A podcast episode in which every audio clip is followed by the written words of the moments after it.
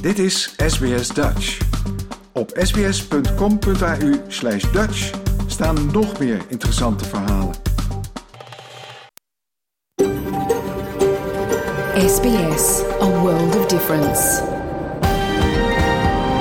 You're with SBS Dutch on mobile, online and on radio. Dit is SBS Dutch op mobiel, online en op radio. Graag erkennen wij de traditionele eigenaren van het land van waar we vandaag uitzenden. SBS Dutch betuigt haar respect aan de Camaragal mensen en hun ouderlingen uit het heden en het verleden. Ook erkennen we de traditionele eigenaren van alle Aboriginal en Torres Strait Islander landen van waar u vandaag naar ons programma luistert. Een hele goede morgen. Mijn naam is Paulien Roesink. Het is woensdag 14 juni 2023 en u luistert naar SBS Dutch, het Nederlandstalige radioprogramma van SBS. In het komende uur hoort u een gesprek met chemisch ingenieur Karel Bakker. Hij zit op dit moment op het Australische onderzoeksschip de RV Investigator, dat nu over de Zuidelijke Oceaan vaart. En hij vertelt straks over die expeditie. Vandaag ook een bijdrage van onze verslaggever Jeroen Schouten. Jeroen sprak met curator en Egyptoloog Daniel Soliman van het Rijksmuseum der Oudheden in Leiden over een nieuwe tentoonstelling over het oude Egypte in het WA Museum in Perth. Verder aandacht voor het naderende WK voetbal voor vrouwen en het effect van El Niño op de luchtkwaliteit en onze gezondheid. Natuurlijk hebben we ook fijne muziek van Nederlandse bodem, maar we beginnen nu eerst met het nieuws.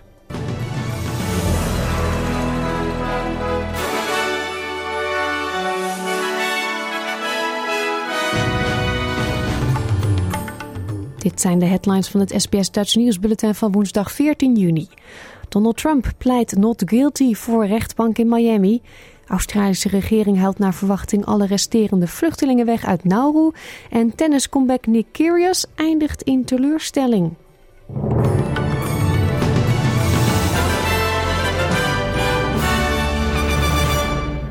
Donald Trump zegt niet schuldig te zijn aan alle 37 federale aanklachten die tegen hem zijn ingediend. De voormalige Amerikaanse president wordt vervolgd voor het achterhouden van vertrouwelijke documenten in zijn huis in Florida. Ook zou hij met behulp van een topmedewerker van de regering en zijn eigen advocaten hebben geprobeerd de documenten te verbergen. Trump verliet de rechtbank in Miami nadat hij het pleidooi had gehouden. Hij stopte kort bij een lokale bakkerij waar hij zijn aanhangers ontmoette. Zowel fans als tegenstanders van Trump verzamelden zich buiten de rechtbank waar media buiten de deur werden gehouden. Deze inwoner van Miami noemt het een historische dag. A former American president is being indicted. Uh, the judge representing is, well, at least the judge in the indictment is a Cuban American judge. So, I mean, that's history in the making, right? In a city like Miami. So, I believe in, in democracy. I believe in the institution of democracy. Without faith in the constitution of democracy, it's not democracy. De Liberale Partij zegt niet te zullen stoppen met het, het ondervragen van de regering over minister van Financiën Cathy Gallagher. Zij zou het parlement hebben misleid over wanneer ze op de hoogte was van Brittany Higgins' verkrachtingsbeschuldiging.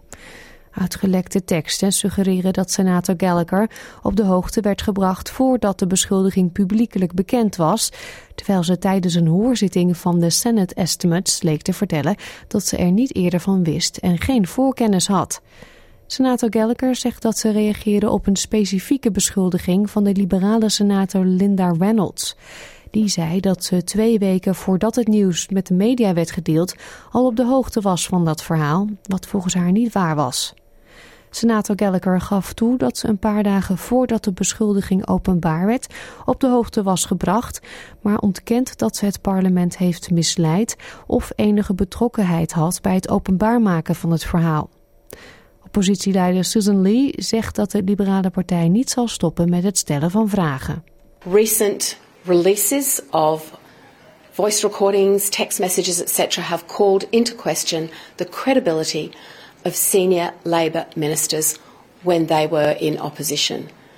And we want simple answers to our questions to demonstrate did this government find out about an allegation of rape prior to it being made public and use that information for their own political purposes. Because if they did, those actions are morally bankrupt. Wilt u met iemand praten over aanranding, intimidatie, familie of huiselijk geweld? Bel dan 1800 Respect op 1800 737 732 of bezoek www.1800respect.org.au. In geval van nood moet u met triple zero bellen. En dan heb ik moeite met het vinden van mijn papier. Maar we gaan verder met de premier van New South Wales. Chris Minns die heeft namelijk beloofd 100.000 dollar uit te keren aan de overlevenden, slachtoffers en naaste families van het busongeluk in Hunter Valley. De deelstaatregering haalt het geld uit het Premier's Discretionary Fund, dat zij samen met Rotary Australia zal beheren. Tien mensen kwamen om en nog eens 26 anderen raakten gewond bij een van de ergste verkeersongevallen van het land. Een bus met bruiloftsgasten was onderweg naar Singleton en verongelukte daar bij een rotonde. De lokale bevolking daar is in rouw. Volgens pleitbezorgers voor vluchtelingen zal de federale regering naar verwachting alle overgebleven vluchtelingen en asielzoekers tegen het einde van de maand weghalen uit Nauru. De mensen die op het eiland zitten hebben te horen gekregen dat er na 13, 30 juni geen verdere ondersteuning voor hen zal zijn en verwachten voor die tijd naar Australië te worden overgebracht. Het is meer dan tien jaar geleden dat de offshore verwerking van asielaanvragen op het eiland in de Stille Oceaan weer van start ging. Woordvoerder van de Refugee Action Coalition, Ian Rintoul, zegt dat de Australische regering zo in feite betrokken is bij een nieuwe ronde van mensenhandel. People came to Australia seeking protection. They were shifted to Manus and, uh, and Nauru, held offshore, told that they would never come to come to Australia. Um, now, in the final stages of Nauru, they're being told, you know, we are transferring you to Australia, but we're not going to give you a, you know, a permanent visa. It, it is just one more indication of the uh, very arbitrary way in which uh, refugees and asylum seekers have been treated by successive Australian governments. De politie in het Verenigd Koninkrijk heeft een 31-jarige man gearresteerd op verdenking van moord. Nadat drie doden en drie gewonden werden aangetroffen op straat in de Engelse stad Nottingham. De dodelijke slachtoffers waren neergestoken. De drie anderen raakten gewond nadat een busje hen probeerde te overrijden en worden nu behandeld in het ziekenhuis. Volgens rechercheurs handelde de man alleen en is het nog niet duidelijk wat het motief was. Wel werken antiterrorismeagenten mee aan het onderzoek. Twee van de doden waren studenten van een universiteit van de stad. Een getuige zegt dat het incident aan, angstaanjagend was. There was two people turning the corner. He went straight in to these uh, two people. The woman went on the curb. Uh, the man went up in the air. It was such a bang. I wish, to, I wish I never saw it, because it's really shaken me. De secretaris-generaal van de NAVO, Jens Stoltenberg, zegt dat de steun die de alliantie aan Oekraïne biedt een verschil maakt op het slagveld. Het tegenoffensief is officieel van start gegaan en het Oekraïense leger heeft verschillende dorpen in het zuiden van het land heroverd. Volgens de Russische president Vladimir Poetin hebben de Oekraïense strijdkrachten daarbij catastrofale verliezen geleden. Tijdens een open bijeenkomst met militaire journalisten en bloggers zei Poetin dat er honderden Oekraïnse gepantserde voertuigen zijn vernietigd, terwijl Rusland slechts 54 van zijn tanks heeft verloren tijdens de gevechten. Tijdens een ontmoeting met de Amerikaanse president Joe Biden zei NAVO-secretaris-generaal Jens Stoltenberg dat Oekraïne vooruitgang boekt. It's still early days, uh, but what we do know is that the more land the Ukrainians are able to liberate, um, uh, the, the, the, stronger hand they will have at the negotiating table. And also, the more likely it will be that President Putin at some stage will understand that he will never win this war of aggression uh, on, at the battle, on the battlefield. De regering van New South Wales heeft onthuld dat de vorige regering overwoog om nieuwe tolheffingen in te voeren in en rondom Sydney. Uit documenten die zijn verkregen tijdens een onderzoek naar de zware belasting van de wegen van de stad bleek dat de invoering van tol werd overwogen als een manier om een nieuwe prijsstructuur en een efficiënter snelwegennet te creëren. De voormalige regering sprak over een continuous motorway network, waar wegen die nu tolvrij zijn onderdeel van zouden worden, zoals de Anzac Bridge, General Holmes Drive, Gore Hill Freeway, Southern Cross Drive, Warringah Freeway en de Western Distributor. Ook werd overwogen een toegangsprijs in te voeren voor Sydney CBD, om zo het aantal voertuigen dat de stad binnenkomt mogelijk met 40% te verminderen. De Amerikaanse schrijver Cormac McCarthy is op 89-jarige leeftijd overleden. De auteur genoot weinig bekendheid gedurende de eerste 60 jaar van zijn leven, maar daar kwam in 1992 verandering in toen zijn roman All the Pretty Horses lovende recensies kreeg. Het boek, het eerste deel van The Border Trilogy, werd verfilmd. Net als zijn roman No Country for Old Men in 2005 en The Road, dat een Pulitzerprijs won in 2006. McCarthy werd soms vergeleken met Ernest Hemingway of William Faulkner en stierf een natuurlijke dood in zijn huis in Santa Fe in New Mexico. De Beatles brengen hun laatste plaat uit en deze is gemaakt met behulp van kunstmatige intelligentie, AI. Paul McCartney zei tegen de BBC dat Peter Jackson, die onder meer The Lord of the Rings films en de documentaire Get Back over de Beatles regisseerde, AI gebruikt om de stem van wijle John Lennon uit een oude demo te halen. De zanger noemt de technologie zowel eng als opwindend. So it has great uses. So when we came to make what will be the last Beatles record, it was a demo that John had um, that we worked on. And we've just finished it up. It'll be released this year. We were able to take John's voice and get it pure through this AI, so that then we could mix the record as you would normally do. You know, so it, it gives you it gives you some sort of uh, leeway. So there's a good side to it, and then a scary side. Sportnieuws dan. De comeback van Nick Kyrgios was geen succes. De 28-jarige tennisser kwam na een afwezigheid van zeven maanden door een knieblessure voor het eerst weer in actie. Maar pijn en mobiliteitsproblemen droegen bij aan een 7-5-6-3 nederlaag tegen de Chinese Yingbing Wu. De twee troffen elkaar in de eerste ronde van de Stuttgart Open en hun wedstrijd duurde slechts 68 minuten. De service van Kyrgios leek, ondanks vier dubbele fouten, goed te lopen, maar de Australiër leek achterin het veld terughoudend te spelen. Tegen het einde van de wedstrijd had hij zichtbaar last van zijn knie. Tijdens het wisselen van kant na de derde game in de tweede set was te horen dat de nummer 25 van de wereld tegen zijn team klaagde over de pijn in zijn knie. De wisselkoers dan. 1 euro is op dit moment 1,59 dollar waard. En voor 1 Australische dollar krijgt u op dit moment 63 eurocent.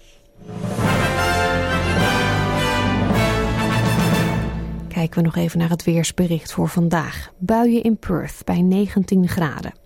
Er leek ook daar kans op een paar buien, 17. Er trekt een bui over, Melbourne 15. In Hobart is het gedeeltelijk bewolkt, ook 15 graden daar. Ook in Canberra is het gedeeltelijk bewolkt, 11 graden. Wollongong, daar neemt de wind af en is het zonnig, 17. Het is zonnig in Sydney, 18.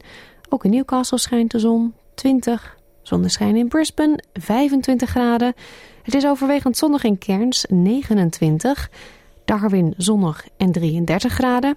En in Alice Springs is het zonnig en wordt het vandaag maximaal 20 graden. Dit was het SBS Dutch Nieuws.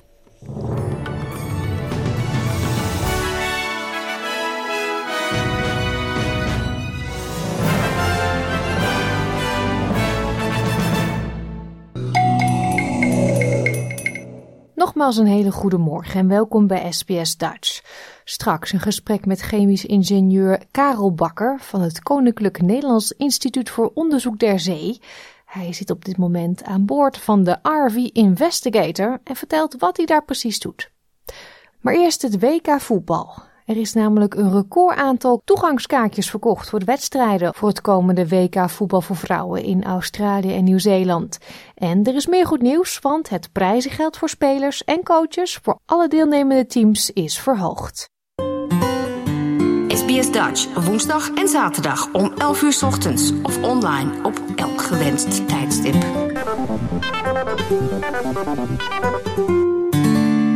Over ruim een maand gaat het WK vrouwenvoetbal van start en dat wordt dit jaar gespeeld in Australië en Nieuw-Zeeland. Dat heeft u vast wel gehoord. Voetbalfans in Sydney hadden afgelopen weekend de kans om dichtbij de WK-beker te komen. It's awesome. We have the best experience. We were the first to see it. See it, yeah. open it. To open it, yeah. It's pretty good experience. Yeah, it was fun. It was fun because like we got the chance to open it and be the first one to oh, look at it. Het bezoek in West Sydney is onderdeel van de speciale Trophy Tour, die deze laatste weken voor aanvang van het toernooi door Australië en Nieuw-Zeeland gaat. Het vooruitzicht om Matilda Spitz Sam Kerr in eigen land te zien spelen maakt veel los. Yeah. Sam Kerr. She's gonna slay. slay? Yes. Yeah, actually yes. It's so exciting anyway. Dit wereldkampioenschap is hard op weg om het meest bezochte standalone vrouwen sportevenement ooit te worden. De FIFA heeft bekendgemaakt dat er meer dan 1 miljoen tickets zijn verkocht en dat is een record. Het best bezochte vrouwensportevenement was tot nu toe het vorige WK voetbal in Frankrijk in 2019. Voormalig Matilda's coach Alan Stajic heeft in de afgelopen twee decennia het Australische vrouwenvoetbal zien groeien en hij hoopt dat de populariteit blijft doorgroeien. We all always aspired to that. Uh, we wanted it to be a game changer, and, and hopefully it is a game changer for football in general. Uh, Australian football's been in a little bit of a lull over the last two or three years, so hopefully this, you know, the performances of the Socceroos in recent times, the performances of the Mariners, particularly in the A League, and hopefully the Women's World Cup gives it, you know, a bit of a jolt and you know a bit of a shot to the system, and hopefully we can, you know, progress and keep building from here. Dit jaar heeft trainer Stajic het Filipijnse nationale team onder zijn hoede, dat zich voor het eerst kwalificeerde voor het WK. Voor de Filipijnse middenveldster Sarina Bolde betekent het heel veel om erbij te zijn. Growing up as a kid, it's definitely one of the biggest tournaments I've watched consistently. Being a soccer player growing up, and it's amazing, um, especially for women's football, um, to see how far it's come. So I'm just really happy to be a part of it um, in this way, to be able to play. Um, even if I wasn't playing in it, I definitely would have been a participant watching it. Um, so I'm just really happy and excited to be representing a part of me with the Philippines. So just really, really excited. Het toernooi zal ook op een andere manier belangrijk zijn nu de FIFA heeft besloten het prijzengeldsysteem te herzien. Voor de allereerste keer krijgt iedere speler die meedoet om de wereldbeker een beloning. Spelers krijgen gegarandeerd rond de 44.000 dollar voor deelname aan de groepsfase. Dat is meer dan twee keer het gemiddelde salaris van professionele vrouwelijke voetballers wereldwijd. De uiteindelijke winnaars verdienen per persoon meer dan 400.000 dollar. Alle bij de FIFA aangesloten bonden kunnen een prijzenpot van 226 miljoen dollar verdelen. Dat is vijf keer meer dan vier jaar geleden. Volgens coach Tajik verdienen de vrouwelijke spelers de hogere vergoeding. It's just really important for the players to be acknowledged and recognised uh, for the efforts they put in, and we know that the training and the effort they put in is the same as as men, and obviously they need to start generating that kind of excitement and, and revenue around the game as well, and that's the responsibility of everyone around all of football and and female players and everyone around the game, but ultimately, the bigger the game, you know, the bigger the prize pool will be for everyone, and the, and the bigger the pie will be that we can split across all the different areas of football for development for elite players. And football clubs all around the world. So it's a really great initiative from FIFA. They should be applauded for it. And I know that you know a lot of associations and players around the world, especially in developing countries, will benefit the most. De nieuwe prijzenpot verbleek nog steeds bij de 656 miljoen dollar die vorig jaar op het herentoernooi werd verdeeld. Sarida Bolden zegt dat de bedragen al lang gelijk getrokken hadden moeten worden. It's paramount, I think, to continue to grow the game. Obviously, money is a big factor, um, and just being a woman footballer as is, um, we don't make that much to our male counterparts. So to see FIFA, you know, at least starting on the biggest tournament in the world, compensating us, um, is a great start, and I hope we continue to grow that. De Wereldcup doet nog meer plekken in Australië aan. Ga voor een compleet overzicht met data naar onze website www.sbs.com.au Dutch. Dit was een verhaal van Naveen Razik en Kira Hein voor SBS Nieuws, door SBS Dutch vertaald in het Nederlands. We gaan verder met het weer. Met de voorspelling van het Bureau of Meteorology dat er een kans van 70% is dat het El Niño weerpatroon dit jaar waarschijnlijk een rol gaat spelen, is het onvermijdelijk dat Australiërs terug zullen denken aan de laatste keer dat we met El Niño te maken hadden. Het betekende heet en droog weer, waardoor op meerdere plekken verwoestende bosbranden ontstonden, die delen van het land dagenlang in dikke rook bedekten. Noord-Amerika heeft op dit moment te kampen met dezelfde omstandigheden door de enorme bosbranden in Canada. Door de gigantische rookontwikkeling wordt de luchtkwaliteit minder en dat kan gevaarlijk zijn. Imagine the worst cold you've ever had and when you're really snuffly and finding it hard to breathe.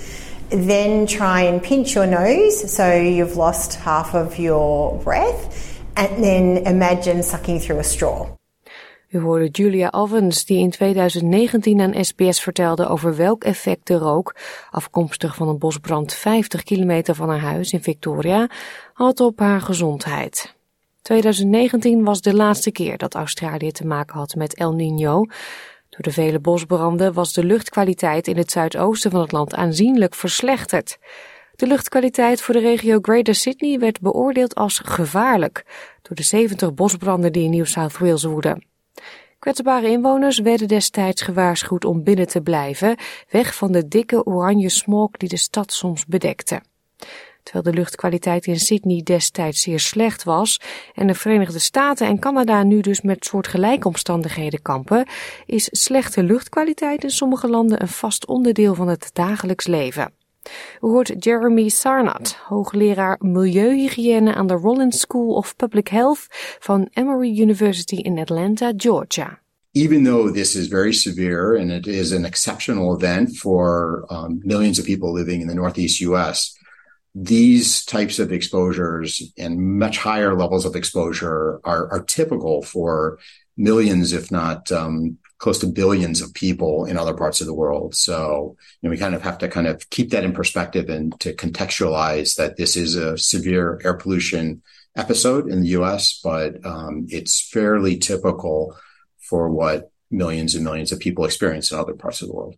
Luchtkwaliteitsbedrijf IQR verzamelt data op grondniveau van meetstations wereldwijd.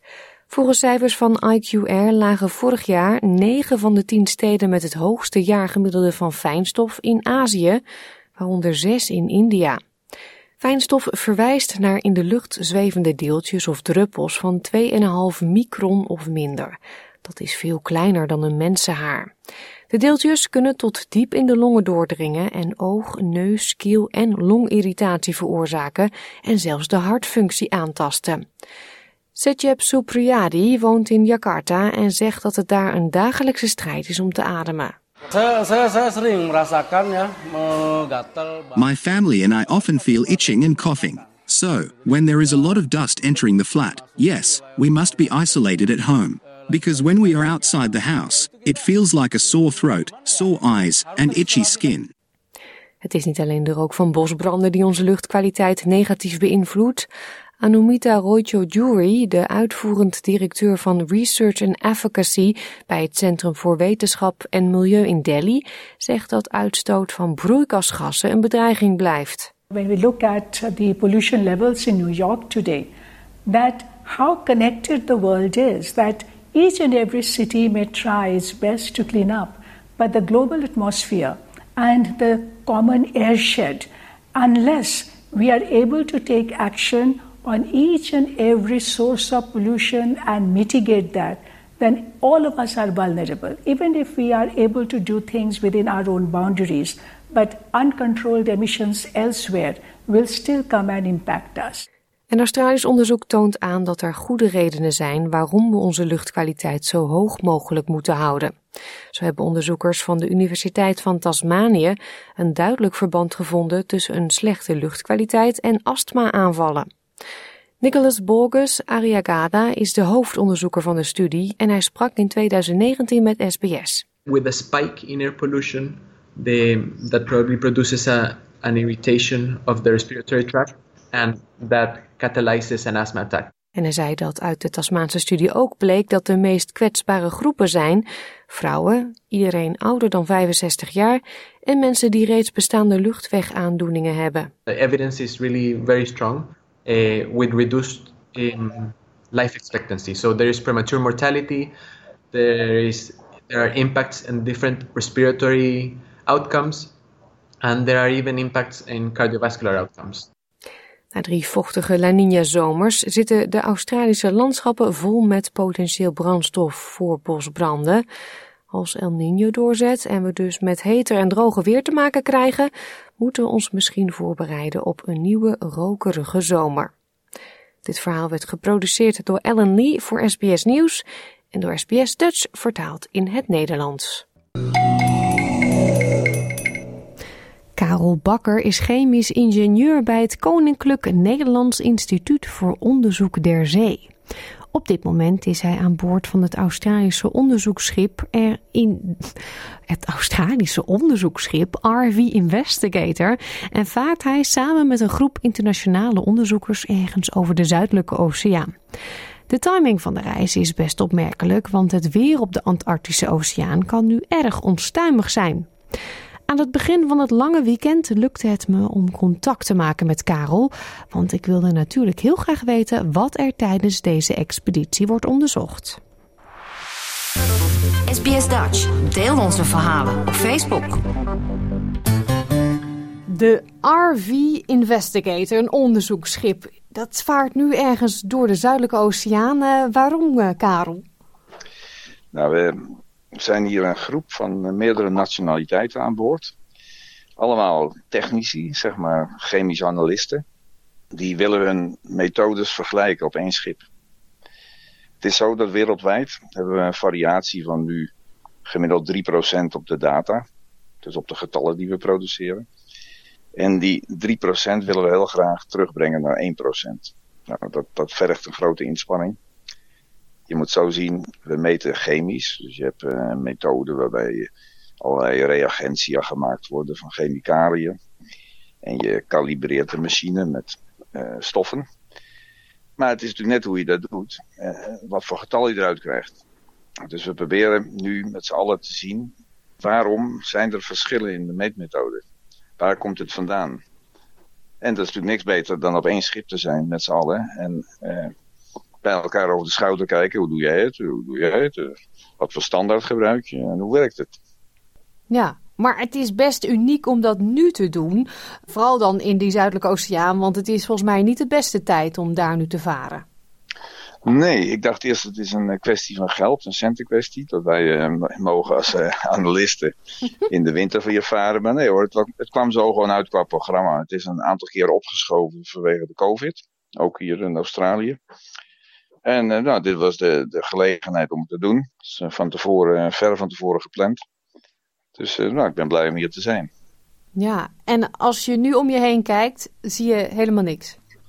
Nou jawel, ik zit hier bij de, bij de expeditieleider in de hut. En als ik nou recht vooruit kijk, dan heeft hij een mooi raam. En dan kan ik zo over de boeg naar de zee kijken. We bewegen een beetje, we stampen met het schip. Het gaat misschien voor je vier meter heen en weer. En de golfhoogte is iets van nou, twee meter, valt wel mee. Oh, dat is rustig inderdaad. Ja. En waarom vindt dit onderzoek, want eigenlijk zijn jullie gewoon met elkaar aan het vergelijken inderdaad. Hè? Wat doe jij, hoe doe jij het en waarom komt dat nou dat ja. we die verschillen hebben? Waarom moet dat daar op die plek in de Zuidelijke Oceaan? Nou, dat heb ik mezelf ook een beetje afgevraagd. Aan de andere kant, ja, ik vind het een mooie plek, omdat hier in de diepzee zijn de getallen heel homogeen. Dat betekent dat er weinig variatie in zit, mits je maar verder gaat dan uh, drie kilometer. En dat kan hier goed. Zou je dat natuurlijk op de Noordzee doen, dan zit je al gauw aan de bodem. Ja. Dat, is niet zo, dat is niet zo diep. dus dat is een goede optie om dat hier te plannen. Aan de andere kant Australië, om dat hier in uh, dit gebied te doen. Dat is best wel lastig, want er, er vliegen mensen in vanuit uh, Californië, zitten er mensen. Uit Korea, dus dichterbij. Nederland, oké. Okay.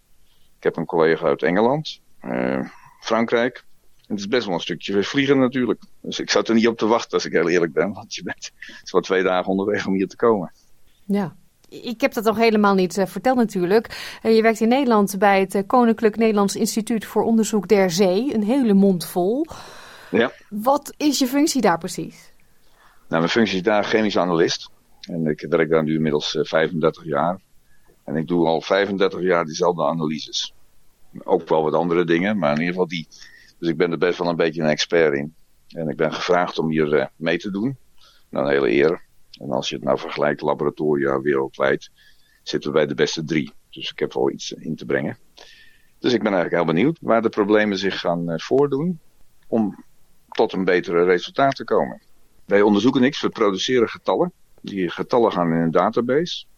En je zult zien, er zijn zeg maar tien verschillende laboratoria aan boord. Je zult zien dat je nooit precies hetzelfde getal vindt. Logisch. Uh, net hoe ver je achter de komma kijkt, zijn er altijd verschillen. Nou, die getallen die worden straks door één persoon natuurlijk bekeken in die database. En uh, de verschillen die er uh, ondernomen worden zijn bijvoorbeeld iedereen neemt zijn eigen monster van hetzelfde watermonster. Dus de watermonsters komen aan dek uit de grote flessen. Nou, iedereen mag zelf zijn eigen monster tappen. Dus de verschillen treden op misschien bij de monsternamen. Verder worden er standaarden uitgewisseld, zowel van het lab van Cicero van Australië, als ook dat eh, de laboratoria hier aan boord hun eigen standaard aanleveren aan het Cicero lab, om te zien van uh, waar zit er verschil in. Snap je? Er moet natuurlijk hmm. gewoon over water getild worden. Waarom leveren wij nu verschillende getallen af? Nou, als die matrix groot genoeg is en je ziet die verschillen, dan kom je vanzelf als een soort uh, ja, detective kom je eruit waar het vandaan gaat komen. Ja, en die getallen, waar slaan die op? Op hoe uh, gezond de zee is? Hoe, uh... Nee, de getallen die wij produceren zijn getallen over voedingsstoffen, voedingsstoffen of nutriënten. Dus dat zijn primair fosfaat, ammonium, nitraat en silicium. Dat zijn zeg maar de, de, de voedingsstoffen die wij meten. En die zitten in een bepaalde gelaagdheid in die oceaan. Dus als je zeg maar uh, monsters neemt van oppervlakte naar bodem of andersom, je, je krijgt een bepaald profiel te zien. Ja. Iedereen die, die produceert zo'n profiel en dan ga je natuurlijk verschillen zien. Want ja, we hebben inmiddels uh, hebben een internationale standaard gekregen die als referentie kan dienen. Wat natuurlijk heel uh, behulpzaam is. En die hebben wij hier aan boord gekregen van Cicero. En die mag, ieder lab mag vier van die standaarden meten, elke dag. Dus daar, met de gegevens die je aflevert, lever je ook de gegevens af die je vindt in die referentiestandaarden. Je moet je voorstellen, wereldwijd vaart er een schip zoals de RV Investigator. Hè. Nederland heeft zijn eigen scheepje, dat is dan de Pelagia, een stukje kleiner. Spanje heeft een groot schip, Frankrijk heeft een schip. Iedereen heeft schepen, maar je wil vandaag aan de dag wil je een model kunnen maken, klimaatmodel, noem maar wat voor model, dat je al die stukjes die je vaart op de oceaan, of het nou de Atlantische Oceaan is, of de Indische Oceaan, of de Zuidelijke Oceaan hier, dat de getallen vergelijkbaar worden. Nou, en deze vaartocht gaat erom om te kijken, jongens, hoe kunnen we nou die getallen beter met elkaar kunnen matchen, vergelijkbaar krijgen. Ja, en dat duurt in totaal twee weken, hè? Want jullie hebben even nodig om op verschillende dieptes uh, monsters te nemen. Ik las 5000 monsters in totaal. Dat zou best kunnen, maar het, het kostte sowieso al een paar dagen om eerst alle apparatuur op te starten. Iedereen brengt zijn eigen apparaat in. Dus je moet het aan de praat zien te krijgen. En er bleek al best wel wat softwareproblemen te zijn of verbindingsproblemen. Voordat je je spullen aan het draaien hebt. Snap je? Dus we gingen uh, maandag weg, maandag vroeg. En toen hadden de spullen draaiend. In het weekend bleven we aan boord om te sleutelen. Maandag weg en hup, gelijk uh, monsteren. Ja, uh, hoe is de sfeer aan boord? Prima. Dus men is uh, geïnteresseerd en uh, we kijken bij elkaar over de schouder. Wat doe jij, wat doe jij? Prima. We hebben iedere middag zo'n lezing rond een uur of vier. Of een, een, een programma voor de volgende dag. Hmm, ja, de zee was op dit moment rustig. Hoe is dat de komende dagen? Nou, men verwacht windkracht 9, dus iets van 40 knopen wind. Maar ik weet niet wat de, de stand van zaken is. Ik kan even vragen, of uh, Andreas is de expeditieleider, kan even vragen wat hij weet. Ja. Uh, Andreas, what's the prognosis for the weather for tomorrow? Is it still uh, wind force 9 or is it... Uh... It's increasing tomorrow. Waves close to 8 to 10 meters. Aye. And wind 40 knots. So, morgen toch windkracht 9 en, en golven van 8 tot 10 meter verwacht. Ja, nou, niet te veel eten dan. nou, ofwel, ofwel, dan blijven goed liggen. Maar er zijn nu al uh, spullen die eventueel niet goed vaststaan met extra touwen vast te binden in de laboratoria. Want natuurlijk het hele schip beweegt. Hè. Het is niet alleen aan dek, maar ook beneden of boven op de brug, alles beweegt. Ja, en lig je dan zelf ook in bed vastgetuigd, zeg maar? nou, ik lig heel stabiel. Ik, uh, ik heb heel veel gevaar. Ik denk dat dit misschien honderdste plus expeditie is. Dus, dus uh, ik geef er niks op. Nee. Nou, ik wens jullie uh, heel veel succes met het vergelijken van alle cijfertjes. Ja. En um, ja, een behouden vaart. Ja, dankjewel. Op een moderne manier het oude Egypte in beeld brengen. Daar gaat het om bij de tentoonstelling Discovering Ancient Egypt. Samengesteld door het Rijksmuseum van Oudheden in Leiden kun je de tentoonstelling op het moment in Perth, WA bekijken. Bezoekers kunnen daar door een levensgrote tempel wandelen en aan de hand van kunst, juwelen, maar ook alledaagse voorwerpen het oude Egypte beleven. Naar aanleiding van de opening was conservator en Egyptoloog Daniel Soliman in Australië om een lezing te geven. SBS Dutch verslaggever Jeroen Schouten sprak met Daniel over de tentoonstelling die nog tot en met volgend jaar te zien is in verschillende steden in Australië. Jouw gemeenschap, jouw gesprek, SBS Dutch. De tentoonstelling Discovering Ancient Egypt is samengesteld in samenwerking met het Rijksmuseum van Oudheden in Leiden. Voor de opening kwam conservator en Egyptoloog bij het Nederlandse Museum, Daniel Soliman, voor een bliksembezoek naar Perth. Een uitgelezen kans dus om even te vragen wat er in deze tentoonstelling over het oude Egypte allemaal te ontdekken valt? Ja, dat is een uh, brede vraag. het is natuurlijk, uh, in de tentoonstelling zitten stukken van doorlopend onderzoek. Dus bijvoorbeeld onderzoek naar de manieren waarop de oude Egyptenaren in een bepaalde periode hun lijkkisten maakten van hout. En die proberen we te bestuderen. Dus de manier waarop die zijn beschilderd, hoe ze überhaupt in elkaar zijn gezet, wat voor materialen ze daarbij gebruikten. Dat is één deel van het onderzoek. Maar er zit ook uh, onderzoek in naar het grafveld van Saqqara. Dus een aantal graven die we daar samen met een internationaal team onderzoeken.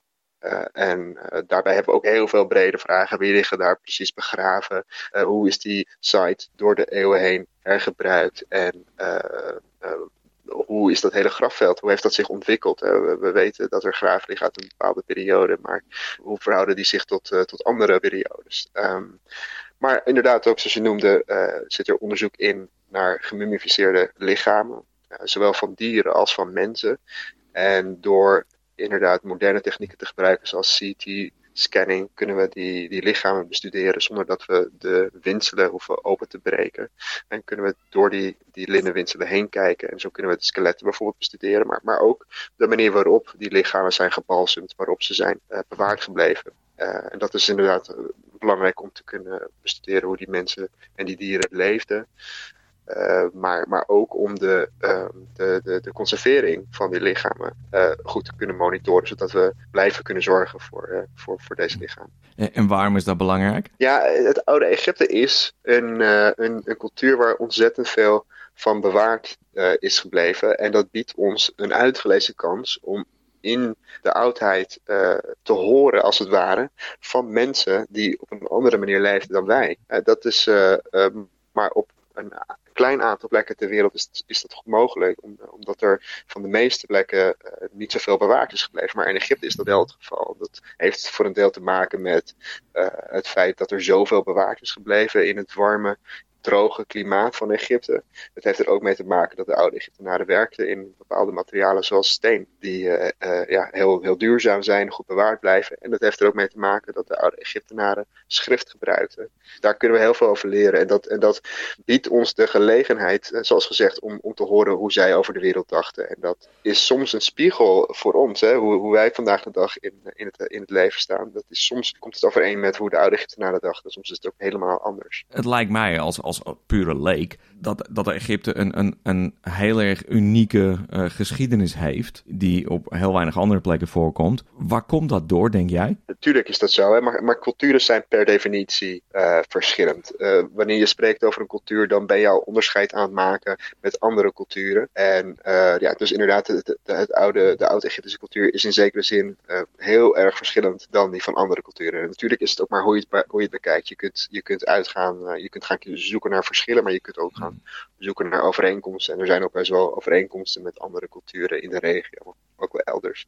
Waarom het zo verschillend is, ja, nogmaals, hè, het heeft dus ook te maken met die dingen die ik net opzomde. De manieren waarop er zoveel uh, uit Egypte bewaard uh, gebleven is en, en op andere plekken niet. Maar, maar als je bijvoorbeeld naar, naar, naar, iets typisch Egyptisch gaat kijken, of tenminste wat een heleboel mensen waarschijnlijk typisch vinden aan die cultuur, dat zijn, zijn de mummies.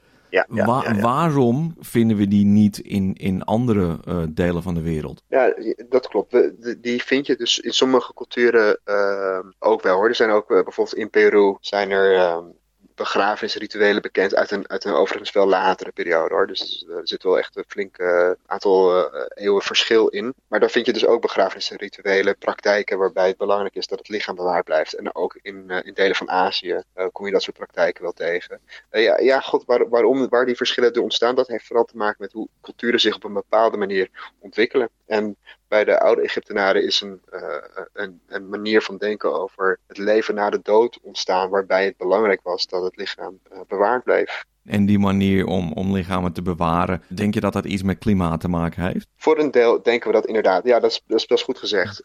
We weten dat de allereerste vormen van mummificatie waarschijnlijk uh, zijn ontstaan doordat mensen doorkregen dat uh, in het droge klimaat van Egypte lichamen sowieso al goed bewaard blijven, zonder dat je echt de lichamen daadwerkelijk behandelt. Dus het zou, dat zou ook een, uh, een element geweest, zijn, geweest kunnen zijn in het, in het ontwikkelen van ideeën over het leven na de dood.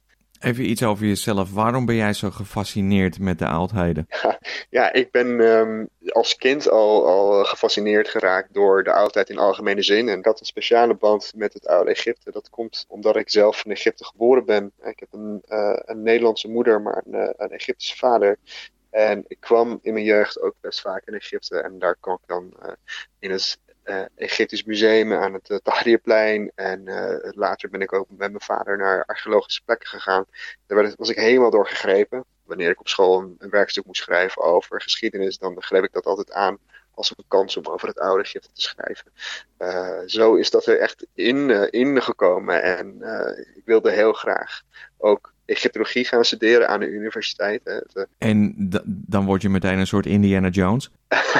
nou, het valt wel mee. Uh, uh, Egyptologie betekent niet direct dat je ook in Egypte gaat opgraven. Dat is wel uh, uh, weer een hele andere, een, een ander aspect van, van, van het bestuderen van het oude Egypte. Het is één ding om in de bibliotheek uh, bezig te zijn met publicaties over het oude Egypte. En het is weer iets heel anders om zelf aan de slag te gaan om de sporen uit het verleden uit de grond te, te, te halen als het ware en dan ter plekke te bestuderen. Die, uh, die tentoonstelling die op het moment gaande is in, uh, in het museum Boulevard Wat was daar de aanleiding voor? Die tentoonstelling is eigenlijk een onderdeel van een, uh, een reizende tour die langs meerdere locaties gaat. voordat hij naar Australië kwam, zijn in ieder geval de voorwerpen die ook nu in Perth te zien zijn.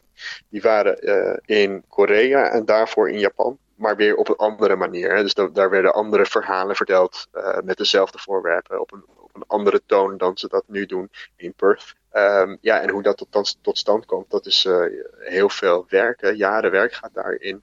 En met Perth heeft het museum een uh, speciale band. Want al in de jaren negentig is er een deelcollectie van het Rijksmuseum van Oudheden uh, in Leiden naar, naar Perth gegaan voor een, voor, een, voor een tentoonstelling. Dat betekende wel dat er al een band tussen de twee musea bestond. En dat is ook een goede basis om dan samen te, te werken aan het concept van deze tentoonstelling. En dat is ook, uh, denk ik, goed gelukt. Wat voor verhalen vertelt deze tentoonstelling? Ja, een aantal, een aantal zaken. er is ten eerste een, een soort tijdlijn uh, van uh, de geschiedenis van het oude Egypte. En in die tijdlijn worden telkens bepaalde periodes toegelicht aan de hand van voorwerpen uit de collectie van het Rijksmuseum van Oudheden. En daarna zijn er een aantal thematische uh, afdelingen in die tentoonstelling. Dus een deel dat gaat over het uh, dagelijks leven, een deel dat gaat over het schrift van de oude Egyptenaren, de manier waarop zij uh, hun taal in schrift opstelden.